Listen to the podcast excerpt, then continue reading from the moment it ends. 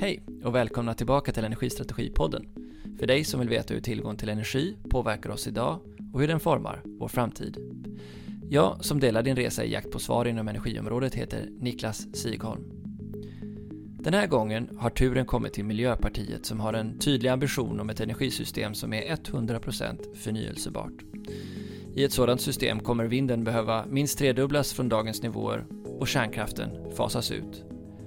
Denna ambition medför en snabb förändringsresa för energibranschen, något Lorentz Torvat, energipolitisk talesperson för Miljöpartiet, anser nödvändigt. Vi vill veta hur han beskriver drivkrafterna för utvecklingen och vilka konsekvenser det behöver medföra samt hur vi löser behoven på vägen dit. Vi hinner också prata om vätgasens betydelse, kapacitetsbrist, elnätens behov, kraftvärmens position och Sveriges roll som föregångare i världen. Välkomna!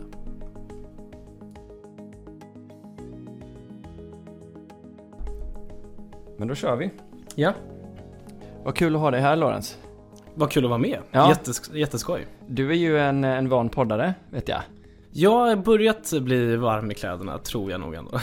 Och är alltså både politiker och eh, undersökande Mm, kan man det. säga i din roll. Men Jag brukar säga som Filip och Fredrik eh, gjorde när de hade sin, amerikan eller sin engelska podd. Då sa de att eh, it's a low, eh, slow train picking up speed. Så, brukar jag beskriva min podd också. och då tänker du att ditt kunskapsläge bara ökar och ökar eller vadå? Ah, mer att eh, antalet följare ökar. Ah, Så att eh, den tickar på ganska bra nu ändå. Mm. Så att eh, ja, växer för varje dag som går. men du är född 89, Mm. om jag är rätt informerad. Och är då, om jag förstår rätt, också den yngsta energipolitiska talespersonen. Och dessutom för MP som har det här som en, en hög profilfråga. Berätta, hur kom, du, kom det sig att det blev du som fick den här rollen? Ja, för, först ska jag bara säga att jag tror faktiskt inte att jag är det längre. Därför att eh, Liberalerna har ju precis gjort ett skifte här nu, eller de är på väg att göra det i alla fall. Eh, och eh, den nya är Joar Forsell som är, jag tror att han är tre år yngre än mig eller något sånt där. Ah, så där. Mm, mm, mm, mm. Ja, Vi har en bakgrund, han var ju, när jag var språkrör för Grön Ungdom så var han, eh, en liten period så var han eh, ordförande för Liberala ungdomsförbundet samtidigt. ah. Så vi känner varandra. Det är kul faktiskt. Ja, hur ser Man- den överlappningen ut? För jag har också förstått det i din podd att du även har liberala skribenter och så med. Är det, finns det mycket kopplingar mellan, mellan liberalismen och Miljöpartiet här eller? Ja men det är en bra fråga. Det är ju, ja, det blir, det blir riskerar att bli ett långt ideologiskt svar. Ja. Men det finns ju absolut rötter i liberalismen hos, hos gröna, så är det absolut. Jag tänker det är intressant med tanke på att ni står på två ganska olika sidor just om energidebatten. Ja, ja, ja, absolut. Nej men där är det inte så mycket som förenar om jag ska vara helt ärlig. Det är nog, jag tror, av alla partier så är väl nästan Liberalerna längst ifrån oss. Nej, SD är ju längre ifrån oss när det gäller energipolitiken skulle jag säga. Men Jag kan tänka mig att rollen som energipolitisk talesperson för ett sådant parti som Miljöpartiet är en eftertraktad roll. Hur kommer det sig att det är du som har den? Ja men bakgrunden är väl lite att jag har ju senaste 12 åren engagerat mig för klimatet på olika sätt. Så jag har ju varit med i Grön Ungdom sedan jag var liksom 16 år gammal och så blev jag väldigt engagerad. Mitt första klimattoppmöte var jag på när jag redan var 18 år. Visste knappt vad ordet environment betydde liksom och så åkte jag på ett FN-toppmöte. Men eh, så att när jag kom in i riksdagen då så, så ville jag jobba med klimat. Det var ju min viktigaste fråga liksom helt enkelt. Ja, det är det jag har varit engagerad för. Det är det jag mer eller mindre har bestämt att jag ska ägna mitt liv åt helt enkelt, att lösa den frågan. Och då, så när man sen sätter sig efter ett val och ska göra upp om de här olika platserna så då, då får man helt enkelt lägga ett pussel. Eh, och så blir det en diskussion, vem ska ta vad? Och då tyckte vi att det fanns, ja, klimat har ju synergier med, eller det hänger ihop med transporter väldigt mycket. Det hänger ihop med den övriga miljöpolitiken. Men den hänger också ganska mycket ihop med energipolitiken. Och då blev det ganska naturligt där att när vi la ett pussel så, så hamnade klimat och energi tillsammans. Och det, det var där jag hamnade helt enkelt. Så min bakgrund gör ju att jag, när jag tog den här rollen så hade jag ju väldigt bra koll på klimatpolitiken. Men energipolitiken var nog lite nytt för mig. Alltså jag hade koll på de breda eh, diskussionerna och sådär men, men detaljerna var nya eh, och eh, det har ju varit väldigt spännande att sätta sig in i. Och försöka greppa hela den här komplexa verkligheten som energipolitiken eh, utgörs av. Hur många år har du varit energipolitisk talesperson? Nu blir det ju två år. Jag kom ju in i riksdagen ett år innan valet och då var jag näringspolitisk talesperson. Och sen så efter valet då så fick jag energi och klimat. Så det är två år. Och vad, vad tycker du har varit eh, det lurigaste att omfamna i de här två åren inom just energipolitiken då? Ja, ja så här, man, man kan väl säga så att när det gäller produktion av el så känner jag mig ganska trygg. Liksom jag, Sverige har en bra energimix, vi kommer att få en bättre energimix. Vi kommer att bli, jag tror att vi kommer bli 100% förnybara och jag vet att jag känner mig trygg med att vi kommer ha förnybar el som vi producerar. Det svåra har ju varit att inse, eller liksom luska ut och liksom fördjupa sig i hur ska systemet hänga ihop. Vi vet att vi kommer ha mer variabel kraft.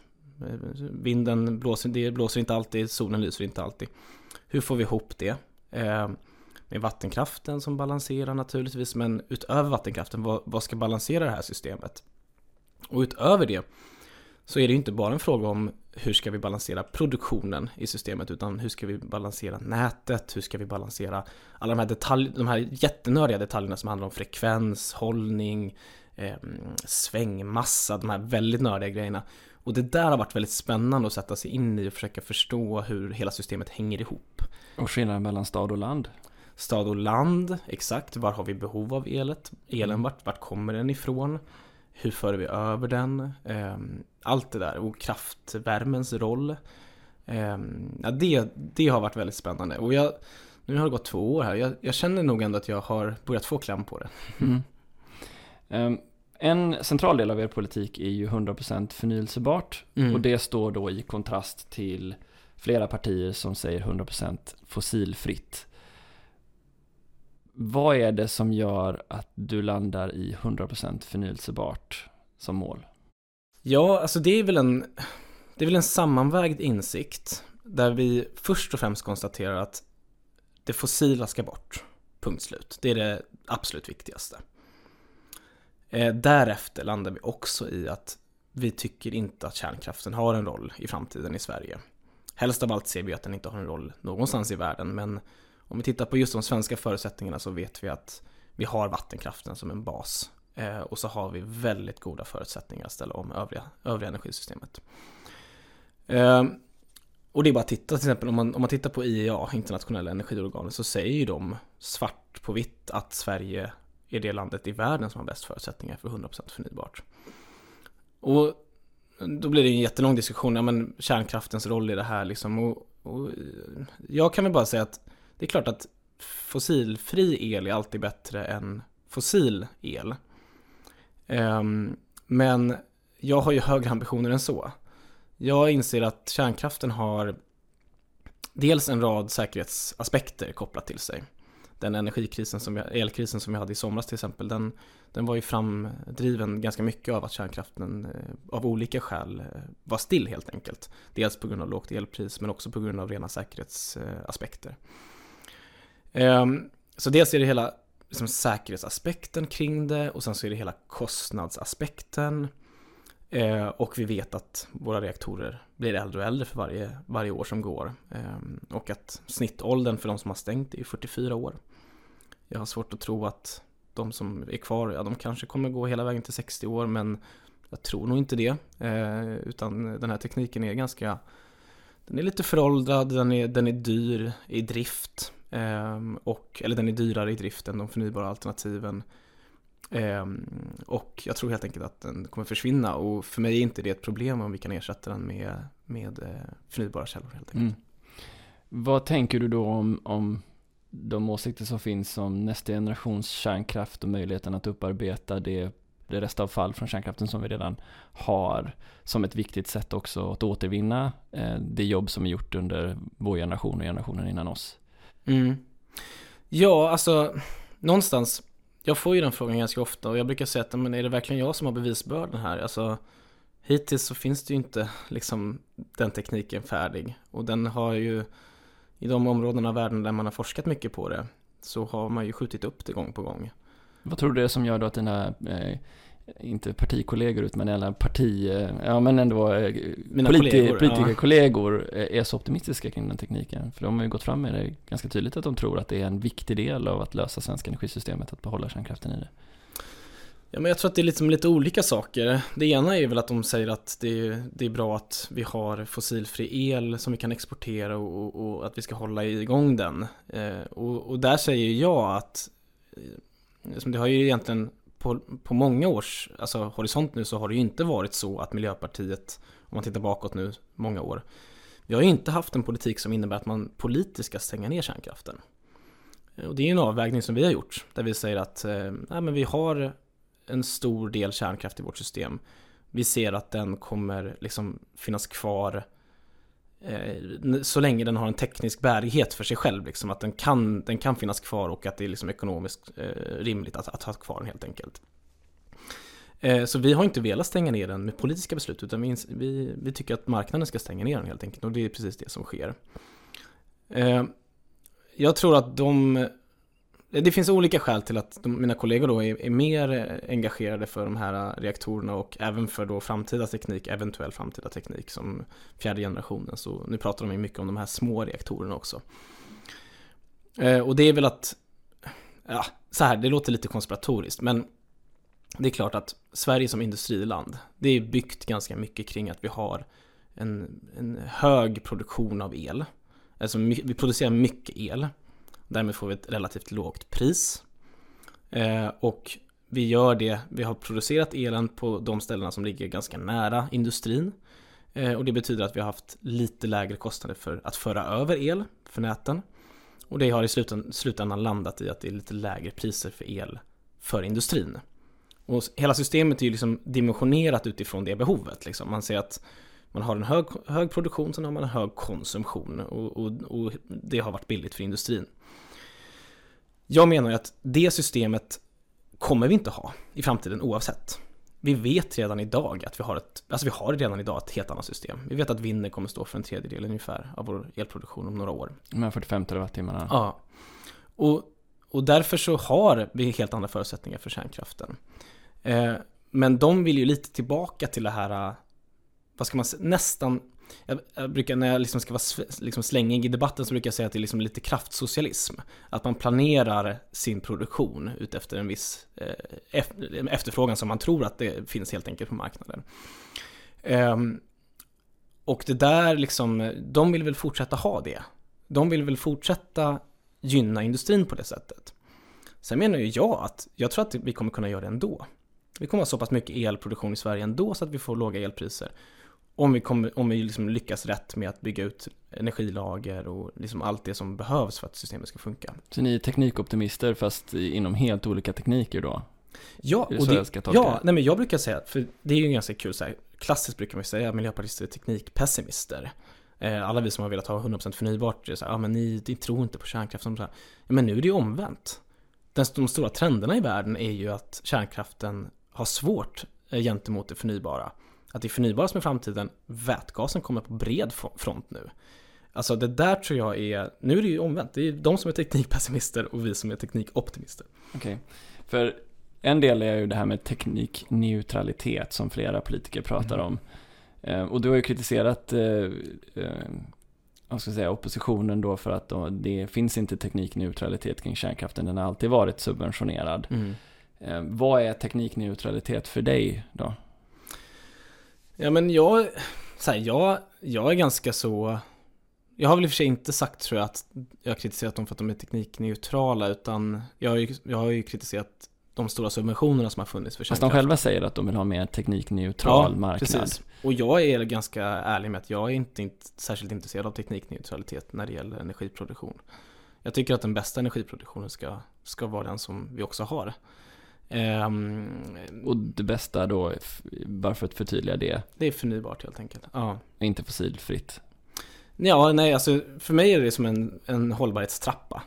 Uh, det absolut lägsta och det sämsta, det är ju fossilt. Och kritiken är mot den variabla kraften då, att det skulle innebära kraftsituation. För det är ju den andra delen av frågan, vad mm. det är som är ekonomiskt lönsamt. Mm. Här kan man ju från då kärnkraftssidan säga att ja, det är klart att vi, det inte är lönsamt att köra eh, kärnkraftverken med så låga elpriser förrän när det väl behövs. Vi behöver, ja, nu vet jag inte om någon har sagt så, men man tittar på Frankrike som löste igenom priskorridorer för att säkerställa att det finns effekttillgång och sådär. Mm. Så det är både en fråga om då den ekonomiska bärigheten kontra en variabel marknad, men också att de ska finnas tillgängliga för när de behövs. Mm, Hur precis. ser du det perspektivet? Är det därför ni vill ha kvar kärnkraften? För ni ser att även om vi tittar på vä- vätgasen så är den inte utvecklad än för att kunna ta det utrymmet, inte heller batterier. Idag i alla fall. Mm, precis. Nej men eh, först ska jag bara säga, vi vill ju inte ha kärnkraften kvar. Alltså men vi vill däremot inte ta, liksom, vi vill att det ska vara en successiv utfasning helt enkelt. Men vad skulle du säga, om, om kärnkraften försvann idag? Ja, nej men precis. Då skulle, då skulle vi ha problem ja. Det, erkänner jag absolut.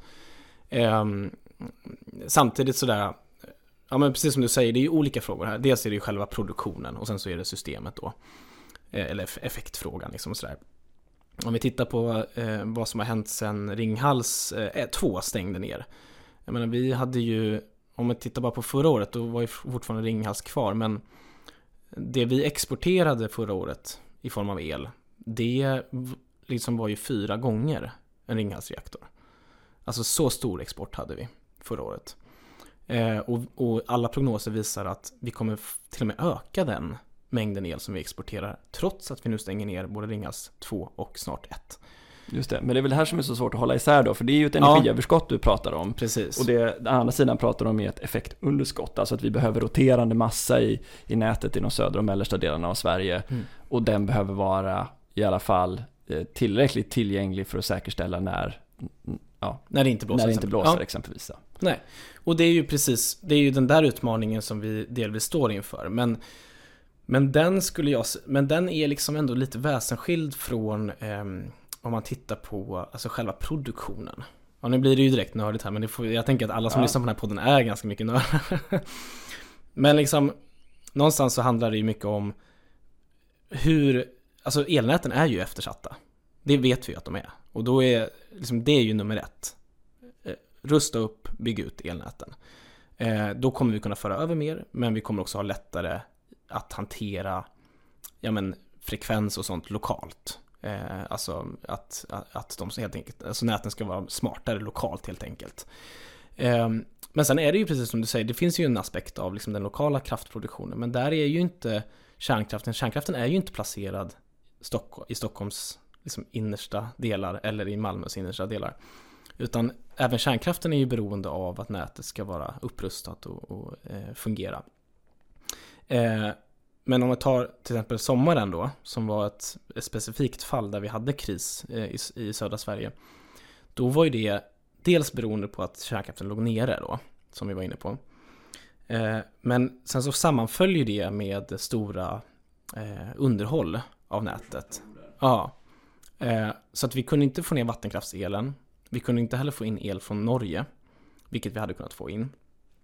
Eh, samtidigt låg ju även mycket, om jag har förstått det rätt, så låg ju mycket av kraftvärme nere i södra Sverige. Eh, som en följd av lågt elpris också. Och då uppstod ju den här situationen att eh, vi inte kunde använda näten i södra Sverige på grund av frekvens. Eller på grund av, eh, förlåt, på grund av spänning i nätet. Eh, och det där är ju någonting som inte är, det är liksom inte, det är ändå inte samma sak som frågan om effekt lokalt.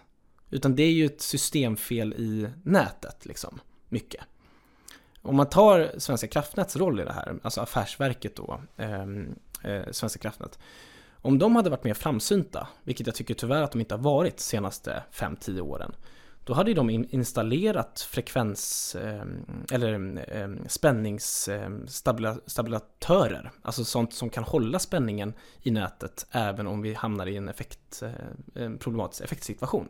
Som vad, skulle det vara då? Ja, det här är lite bortom min tekniska kompetens. Men Alltså det finns roterande maskiner på något sätt då? Som, roterande ma- maskiner och liksom sånt som håller igång nätets spänning helt enkelt. Okej. Eh, och då hade det varit mycket lättare att få ner all vattenkraftsel eller få in av Norges vattenkraftsel till södra Sverige när vi, när vi väl var i den här situationen. Okej.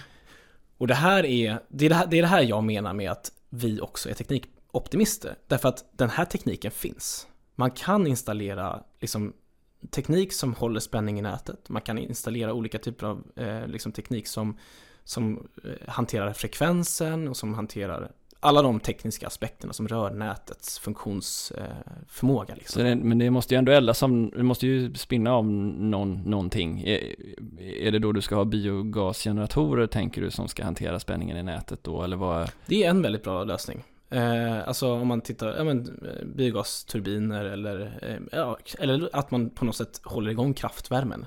Man vet att den behövs under vissa tider när vi har till exempel att kärnkraften ligger nere eller att, att vi har eh, Ehm, stora underhåll i näten till exempel.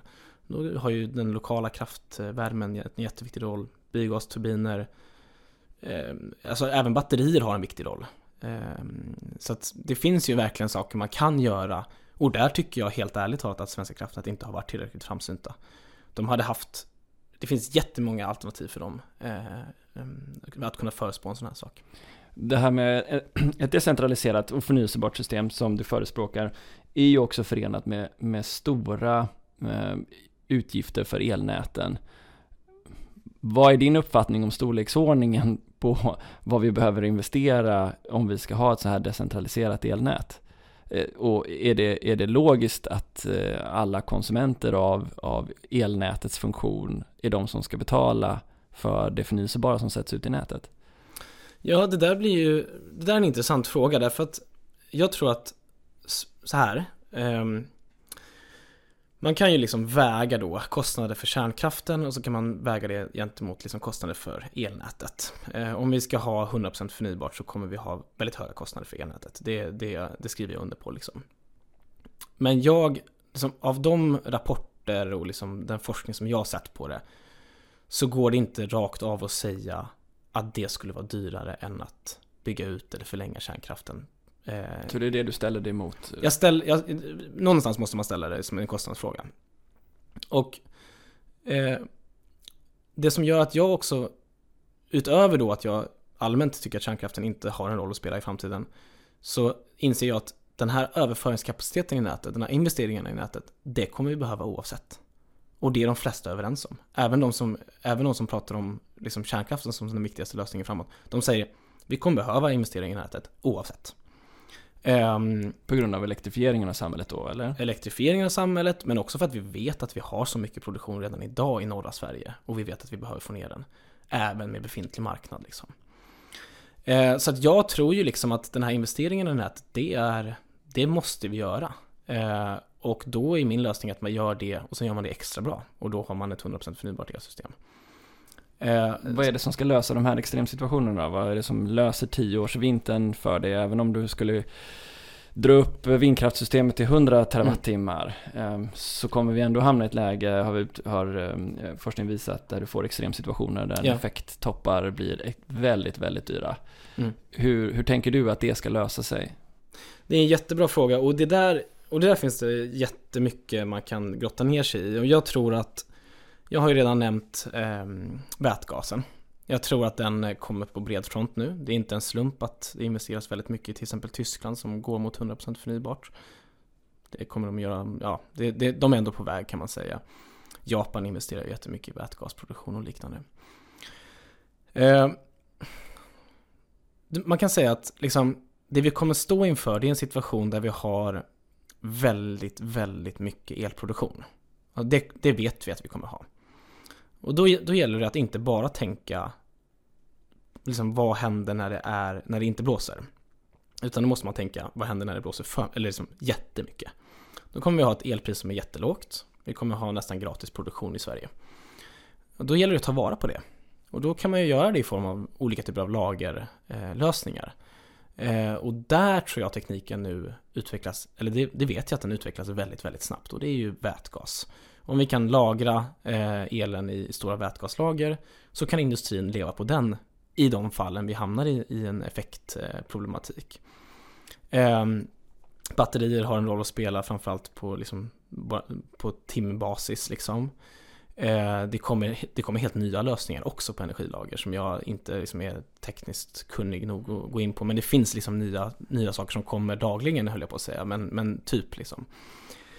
Ehm, men utöver det, utöver då hela lagerfrågan så måste vi också tänka att vi kan vara smartare i hur vi använder. det. Eh, Svensk Vindenergi har ju bett ett norskt konsultbolag räkna på det här lite. Vad händer den här eh, 10, eh, vad säger 100 års vintern när det är svinkallt en vecka och där det är liksom, det blåser inte. Då säger de först och främst att det är ganska få tillfällen där det är där det inte blåser alls. Så att det kommer vara, det kommer röra sig om max några dagar, max några dagar liksom.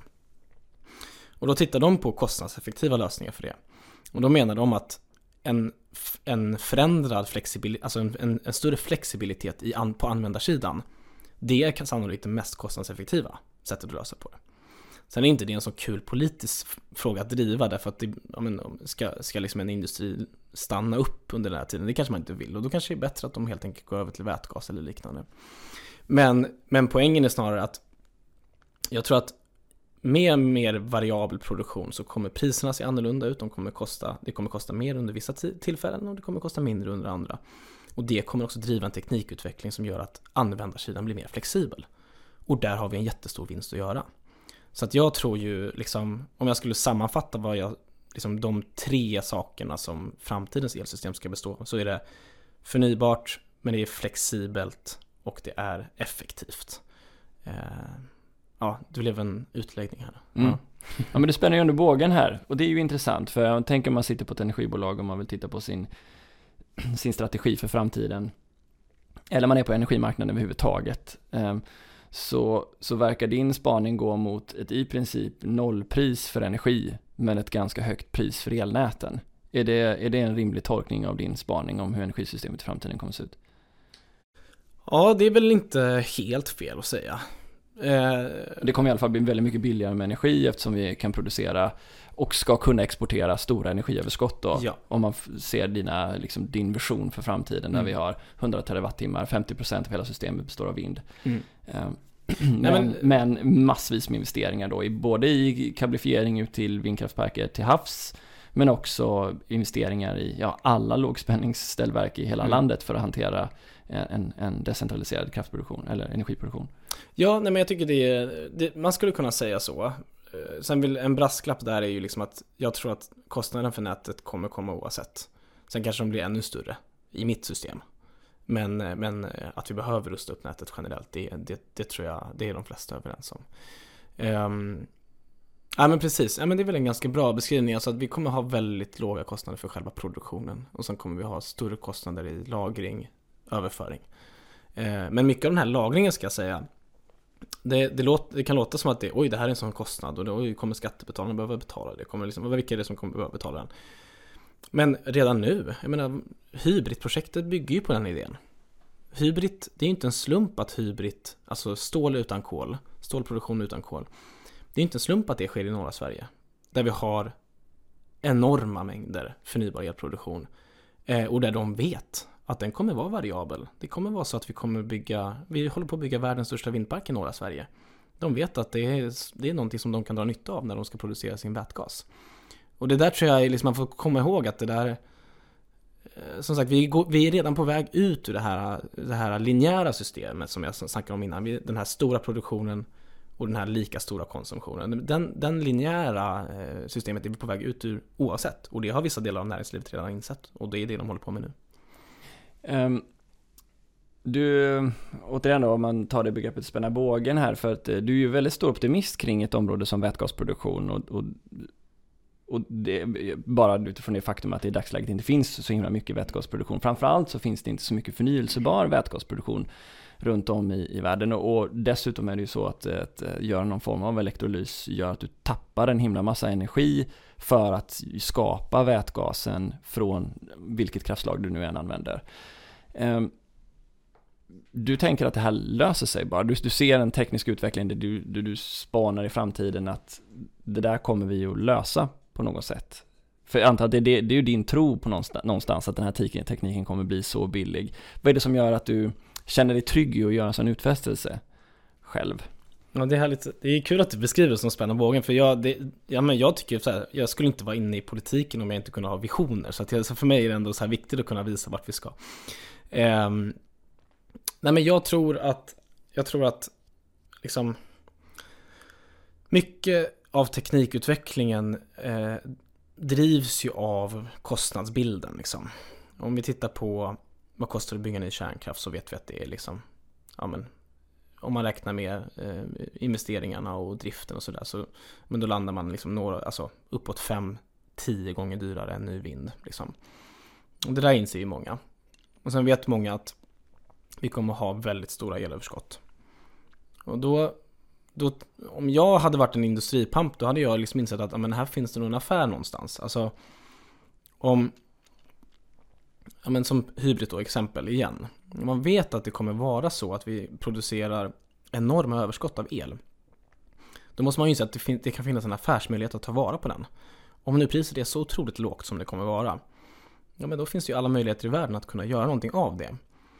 Och om, om man då tänker sig att, precis som du säger, man, man tappar en del energi på vägen om man ska göra vätgas. Rätt så mycket till och med. Men, ja, ja. rätt så mycket. Och det, men sen är det en te teknikfråga. Tekniken kommer utvecklas. Man, kanske miss, man kommer kunna ta vara på mer kanske i framtiden. Och, och sen, ska man ju, sen kommer man ju tappa ännu mer energi om man ska göra det från vätgas till någonting annat. Men samtidigt, om vi har så mycket förnybar elproduktion kan man ju tänka sig att Hybrid inser att ja men vad fan, vi har ett jättestort lager här. Om vi eh, tar in två stycken gasturbiner så kan vi också producera el sen. Alltså power to gas to power. Och jag vet att det är så att man tappar mycket energi på vägen. Men vi kan komma i en situation där det helt enkelt ändå är lönsamt. Just av skälet att vi producerar så mycket förnybart. Ehm, och det är det där, alltså jag brukar säga att liksom, framtidens energimarknad handlar mer om energibärare än energiproduktion. Alltså vad, vilken teknik ska bära energin framåt? Eh, och då, då är jag inte alls säker på att liksom, då måste man kunna tänka lite längre än att bara se det här klassiska linjära systemet. Produktion, konsumtion. I framtiden kommer det vara produktion, eh, lagring, eh, olika energibärare som, som får en output på olika sätt i samhället. Eh, och det gäller ju inte bara vätgas utan det gäller ju liksom hur kan solen kanske komma in i värmesystemet? Kan vi lagra värme i stora bassänger? Det gör ju Danmark nu till exempel. Um, eh, kraftvärmen, hur kan, vilken roll spelar den i framtidens system? Allt det där är liksom, ja men så här, om du har, om du till exempel använder vätgasen i kraftvärmen, då får du ut både värme och el, då ökar du effektiviteten, ökar avsättningen för det. Alltså det, det gäller att tänka liksom kreativt och liksom teknikoptimistiskt om framtiden och det är så jag ser på det. Ja, för jag, jag, tänker liksom att de verken som nu byggs för vätgas är fortfarande otroligt små och kapitalkostnaderna är rätt så höga. Så att det inte är liksom möjligt riktigt idag att, att bygga varken stort för det behov som behövs eller kanske med de kapitalkostnader och operativa kostnader som finns idag ekonomiskt bärkraftigt. Tänker du också att man behöver subventionera sån eh, typ av produktion då? Eller tänker du att nej, det är bara att vänta så kommer tekniken att lösa det? Var, var står du någonstans? Ja, bra fråga. Först ska jag bara säga att det, det stämmer att det inte finns så stora, eh, stor kapacitet idag. Men jag, jag såg en graf bara häromdagen som visar på de investeringsbeslut som är tagna och då snackar man om 3000, 3000 procent ökning liksom. Från låga nivåer förvisso men en enorm ökning världen över. Jag tror att det här är fortfarande en relativt ny teknik. Så att när det gäller nya tekniker, jag är, ingen, jag är inget fan av subventioner generellt. Men nya tekniker behöver ofta en knuff eh, i ryggen. Eh, och det har ju alla energitekniker alltid behövt. Så är det ju liksom. Eh, även den fossila, den har ju varit kraftigt subventionerad genom åren. Och är fortfarande det. Ehm, så att jag, regeringen har ju nu öppnat upp för att det som vi, det här industriklivet som är stöd bland annat till att ja, stål utan kol och, och så stora industrisprång helt enkelt, tekniksprång. Nu har vi öppnat upp för att man även ska kunna söka för vätgasprojekt, elektrolysanläggningar och liknande. Eh, så jag tror att det kanske kommer behövas en liten push i början här. Men på några års sikt så är inte jag alls, eh, liksom, jag är inte pessimist inför möjligheten att, att det här ska kunna stå helt på egna ben. Och det gäller samma sak kring batterier då, eller?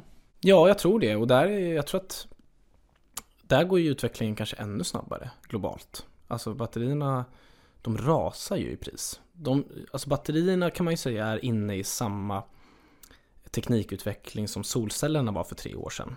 Alltså solcellerna har ju, det har ju bara minskat i pris och det har utvecklats så snabbt så att det liknar ju ingenting globalt sett. Liksom. 2050 kommer det vara största energikällan i världen och så vidare. Eh, och nu är batterierna inne i samma process. Eh, så att det kommer ju med utmaningar förstås. Men, men eh, jag tror mycket på den utvecklingen vi ser.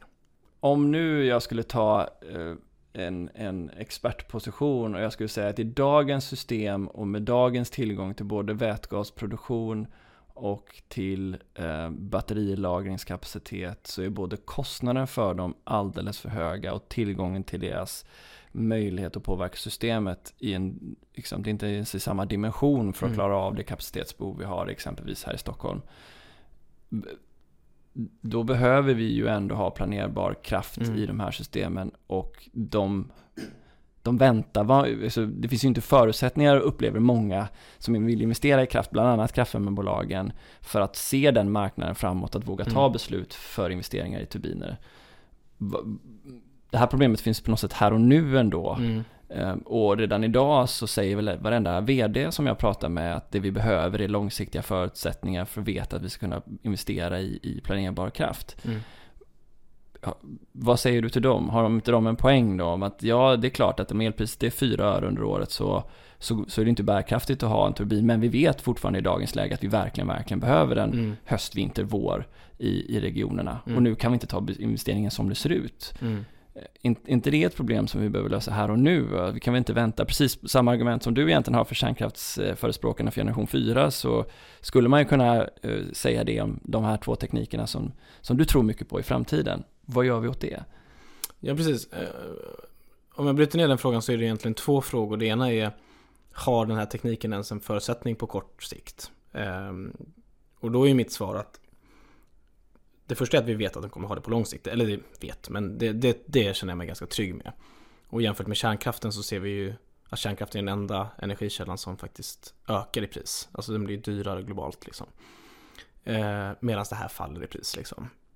Så det talar ju för att den långsiktiga lösningen, den, är, den känner jag mig väldigt trygg med. Liksom. Um, och, och, och kopplat till det också, jag menar, jag har ju varit med ändå så pass länge i klimatsvängen så jag, jag, då har jag helt haft koll på energifrågorna. Och då, jag menar, jag kommer ihåg, det var åtta år sedan nu som Kungliga Vetenskapsakademin gick ut och sa att eh, vinden kommer aldrig överstiga 10 terawatt tror jag de sa. de sa det, det, är omöjligt att vinden överhuvudtaget ska kunna liksom, eh, överstiga 10 terawattimmar. För att då, de sa att energisystemet, energisystemet krackelerar. Och de, men de argumenterar nog också för att tekniken inte finns där. Liksom den, vinden är inte konkurrenskraftig. Jag menar nu sitter vi här och har dubblat det och vi är på väg till 45 terawattimmar de närmsta tre åren. Liksom. Eh, så att tekniksprång sker ganska snabbt och de, de sker eh, snabbare än vad man tror. Liksom. Eh, och det är det jag tror kommer ske med batterier och vätgas. Eh, men, sen, men sen din andra fråga då, som är vad gör vi nu för att hålla ihop systemet under den här perioden? Det är det som är utmaningen. Eh, och det är ju precis därför jag ändå alltså, valde att lyfta till exempel kraftvärmens roll. Jag tror ju att den har en, en viktig roll både nu och i framtiden. Eh, jag skulle ju tycka att vi, vi skulle ta fram en kraftvärme eller en värme kraftverk, jag vet inte om man skulle ta vilken del av det, man, men, jo, men man, skulle, man skulle säga vi skulle ta fram en nationell kraftvärmestrategi. Det tror jag hade varit väldigt bra. Eh, för då hade man kunnat liksom lägga ut en, en linje framöver. Liksom här, vilken roll ska det spela? Vad ska vara, vilka substrat ska man elda? Alltså kan det vara så att vi, vi kanske ska minska lite på bioandelen. Vi, kommer, vi vet att vi kommer antagligen minska på, på avfallsandelen som eldas. Vad kan ersätta det? Ja, men då kanske vi kan titta på sollösningar till exempel. Så att jag, alltså jag tror ju, jag är helt med på att kraftvärmen har en väldigt viktig roll här och här och nu och även i framöver. Ja men då går vi, vi går in lite på kraftvärmespåret då. Det är ja. ju kul, för det är ju en, många känner ju inte till hur stor del av vårt energisystem ändå kraftvärmen är. Eh, vi vet då att kraftvärmen puttar bort ett effektbehov av el som det råder ett underskott på i storstäderna. Eh, och ändå så finns det ganska många som hävdar att det är mer miljövänligt att konvertera till en eh, elektrifierad uppvärmning av fastigheterna med, med elabonnemang som man då säger är förnyelsebara och hela den logiken leder ju till ett större kraftbehov som egentligen då också skapar ännu mer problem. Hur ser du på det, att det fortfarande liksom används och är aktivt att det är eluppvärmning istället för värme i, i städerna? Nej men det är precis som du säger att eh, om man liksom konverterar bort från kraftvärmen till eluppvärmning så är det ju minst, inte minst är det ju effektfrågan som blir problematisk där eftersom elvärme korrelerar ju så tydligt med kylan. Alltså det, det korrelerar ju med, om, om vi har en 100 års vinter så blir det ju extra svårt att förse eh, eller att nå, nå liksom effekttopparna eh, med, med, den produktionen vi har. Om, om det inte blåser till exempel. Ja, och outputen från kraftvärmeverk är nästan 96-97% så det är ju mm. ett högeffektivt sätt att skapa mm. energi på. Absolut. Jämfört med förlusterna av... Eh... Ja, ja men, men samtidigt så är det... Jag håller med om den analysen. Jag, jag köper det. Sen ska man inte, bara för det ska man inte automatiskt döma ut eluppvärmning. Det, det, det, mest problematiska är ju den direkt, eh, alltså direkt uppvärmda, alltså vad heter det, direkt el. Eller direkt... Ja just det, det finns ju normalt sett ute på landet då liksom. Ja, Storstäderna är ju huvudsakligen täckta av fjärrvärme Ja, ja men exakt. Och om man tittar bara på effektfrågan så är det ju där den kanske största utmaningen är när det gäller liksom de som, de som värmer med direkt uppvärmd el. Direktverkande el. Direktverkande el, så mm. heter det. Men liksom jag, jag, tror att eh, här tycker jag det kan vara ganska bra poäng att eftersom jag tycker att båda de här eh, teknikerna kan fungera och har, är relativt hållbara beroende på eh, vad som eldas och så vidare. Så um, tycker jag att man ska ha en viss teknikneutralitet inför det här. Nu säger du det ordet då, vad betyder ja. det då för dig? Ja men för mig betyder det då till exempel att, att vi kan inse att båda har en roll att spela och att vi inte... Men i en storstad, i Hammarby sjöstad, ska vi då konvertera ja, men... hus till direktverk? Nej men precis, till, och, nej, men, och, det argument, och jag förstår det argumentet och jag köper det delvis. Samtidigt, och anledningen till att jag säger att man ändå kanske ska ha en teknikneutralitet eh, i det här, det är att vi vet ju till exempel att ny teknik även kan eh, fungera som aggregatorer. Aggregat, ja det heter det väl. Att man kan aggregera eh, på, på en större nivå. Och där har vi ju väldigt spännande exempel i Uppsala nu till exempel, där de har kopplat ihop uppvärmningen av, vad är det, 200 villor. Och så vet de att de kan, de kan kapa alla, alla effekttoppar bara genom att planera eh, hur man värmer. Men det funkar ju lika bra med fjärrvärmen. Det gör absolut. Men då, om man då, om man då liksom överväger så här, men okej, hur, hur kommer det vara nu med substrat för kraftvärmen framöver? Hur kommer det vara med biobränsle? Hur kommer det vara med av, avfallsförbränning?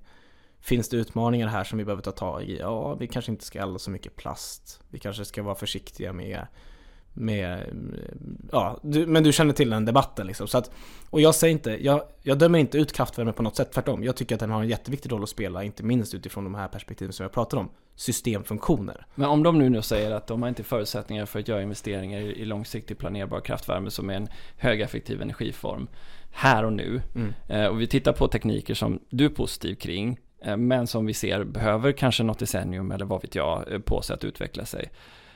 Är det inte då viktigt att eh, i den här strategin liksom formulera hur, hur vi ska ha kvar den här tekniken? Mm. Jo, För och den det... försvinner ju nu annars då. Ja, fast gör de det verkligen det? Jag är inte säker på det. Ja, men ta Uppsala som ett exempel där man inte ja. väljer att investera i, i, i, i, förlåt, i kraftvärme för att det inte är lönsamt, trots att staden behöver effekten för sin utbyggnad det finns ju klara exempel på när man väntar med investeringar som man skulle kunna göra som varit högeffektiva men som det inte finns förutsättningar. Lite på grund av mm. den här marknadsutvecklingen som du vill se. Så att, mm. Eh, hur tänker ja, jag... du att vi ska balansera det här? Nej men och ja, det där är ju, jag är lite, jag är jättebeklämd över att man inte passade på att göra det till kraftvärme när man investerade i Uppsala. Jag tycker det är... Men om lönsamheten är för dålig nej, för dagens nej, marknad, hur?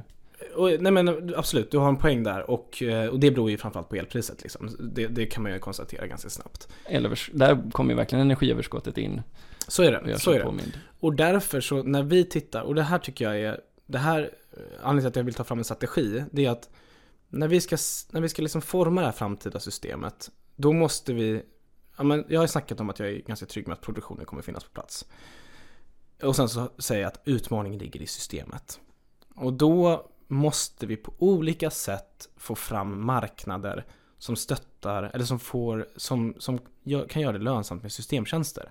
Och det är där kraftvärmen kommer in. Ah, du vill alltså, ha någon form av systemtjänstlösning? Ja, jag tror att ja. vi kommer behöva det. Och, det. och de systemtjänsterna, de kommer kunna vara allt ifrån syntetisk svängmassa på vindkraftverken. Nu är det jävla nördigt här. jag, jag, tänker att det är tur att inte gemene man lyssnar på den här podden. Ja, det är syntetisk svängmassa på, på, eh, på vindkraftverken. Det kan vara turbiner i systemet. Det kan vara de här eh, spänningsstabilisatorerna. Stabilisatorerna. Stabilisatorerna. Ja. Det är här, man kan inte ens uttala de här olika. Eh, men det kan mycket väl, det kan lika gärna vara eh, lokal effekt eh, som levereras. Eh, och, och, där kommer kraftvärmen in och, och, jag tycker att kraftvärmen ska ha en peng för det, det den kan leverera för som, som kan upprätthålla systemet. Eh, så det, det, det tycker jag är jätteviktigt.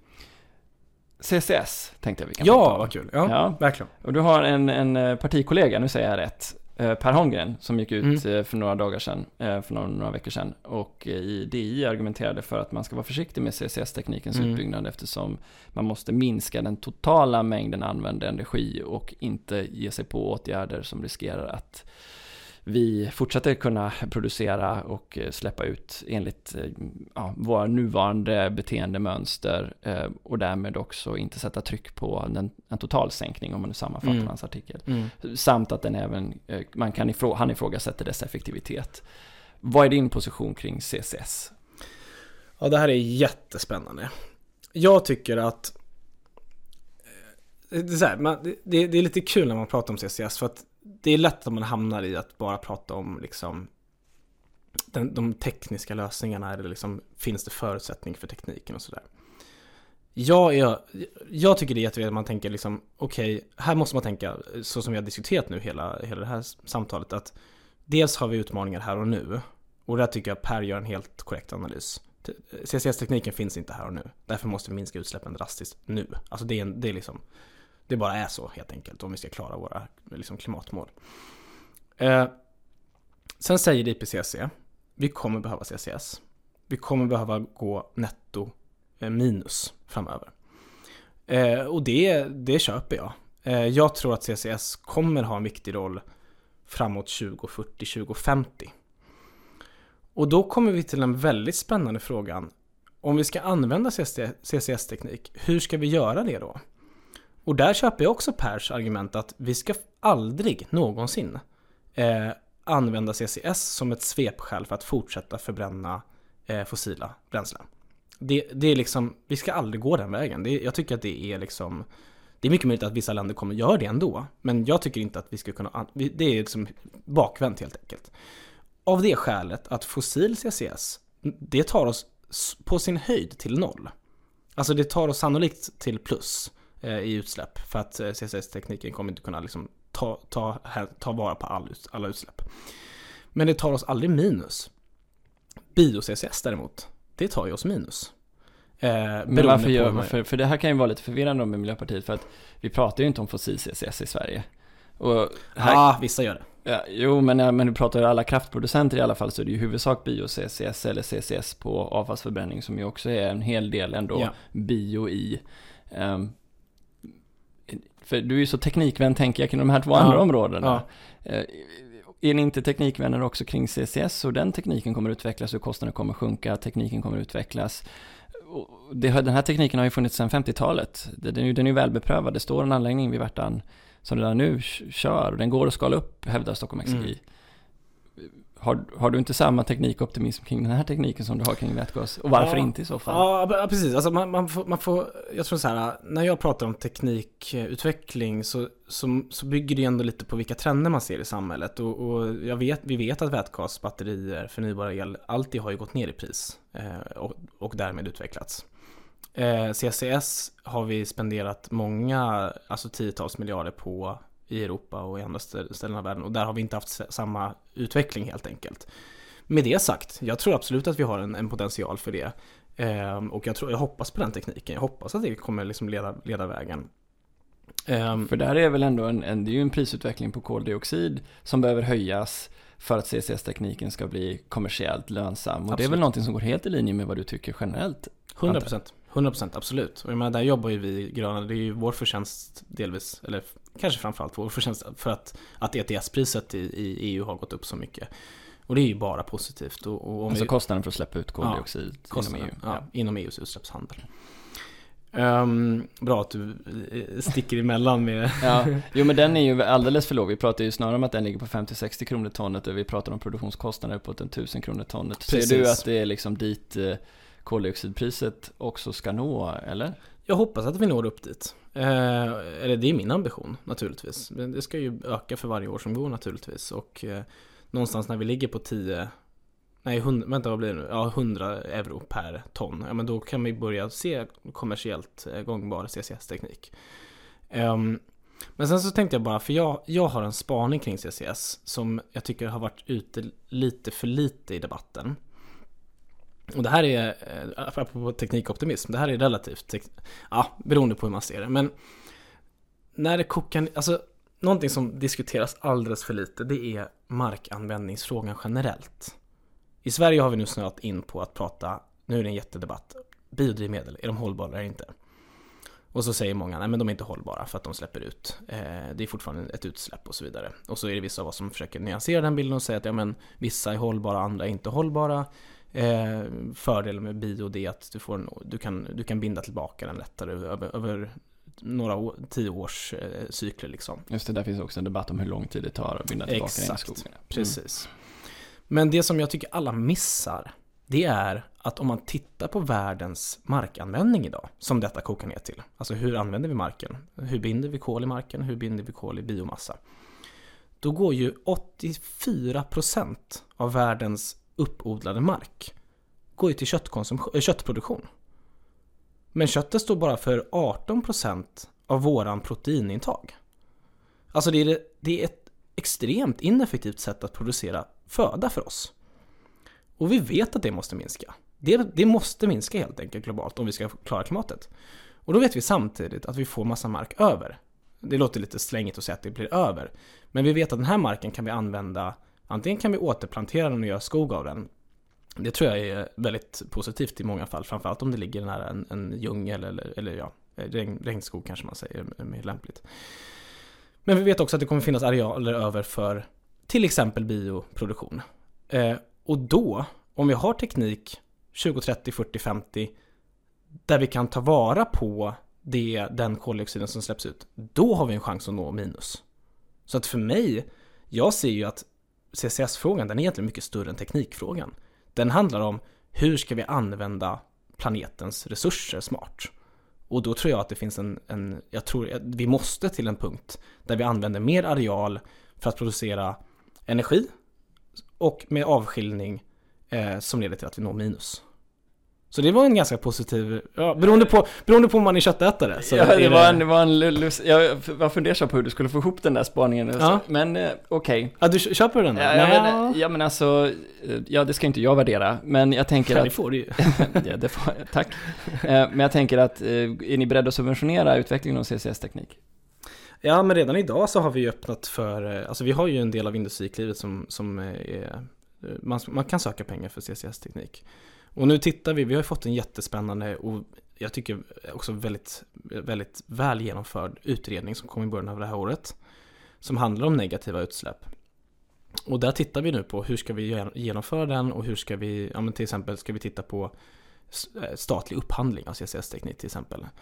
Ehm, och jag är öppen för det, absolut. Det kan nog krävas att vi gör det. Och sen tycker jag att, det måste jag också passa på att säga apropå markanvändning.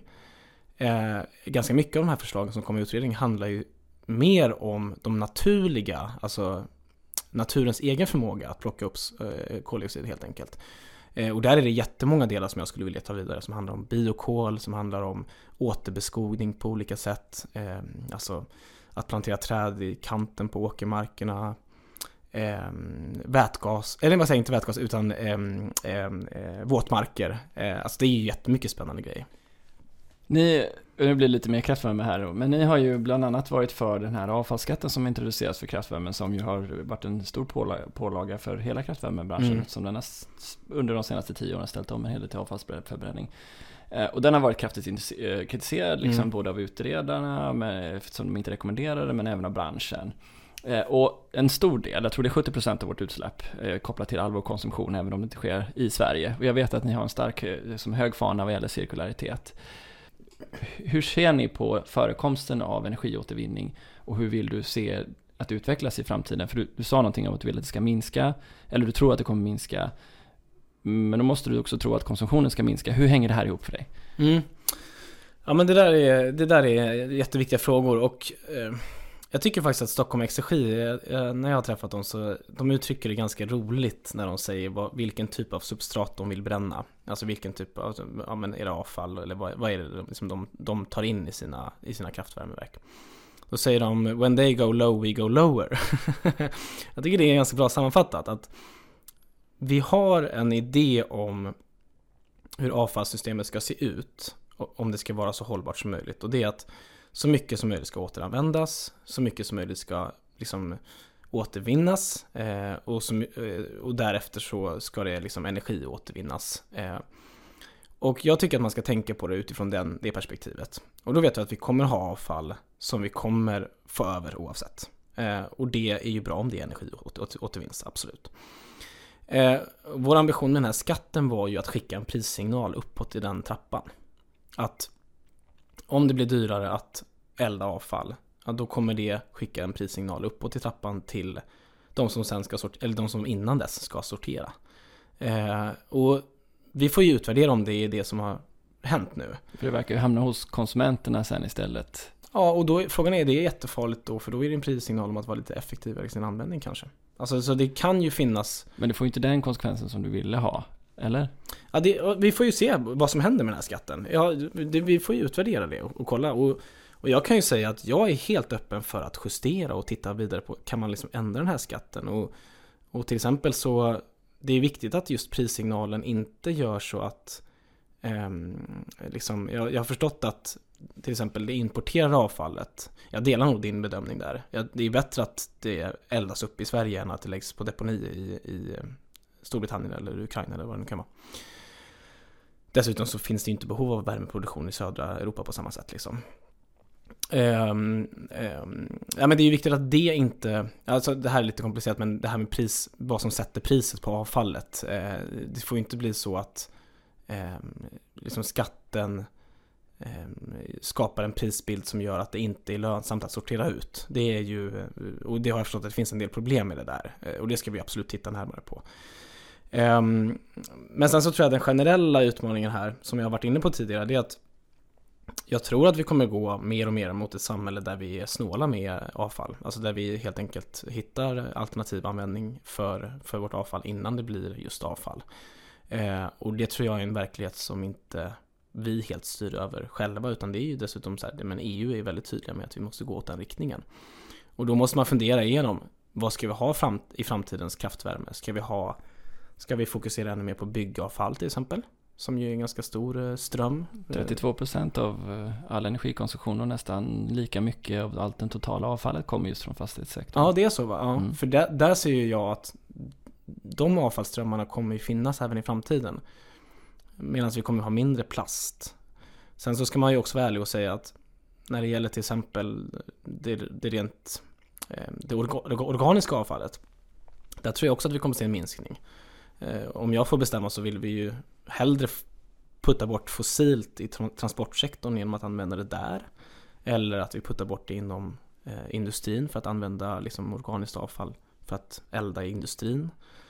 Stockholms handelskammare kom ut med en rapport häromdagen som visade på att upp mot en, eh, till och med 400 000 jobb kan vara hotade i, i, som en konsekvens av effektbristen, även med eh, med tillskottet som, eh, som Svenska kraftnät visade på att Stockholm skulle få. Och det är liknande situationer både i Göteborg och i Malmö och andra storstadsregioner.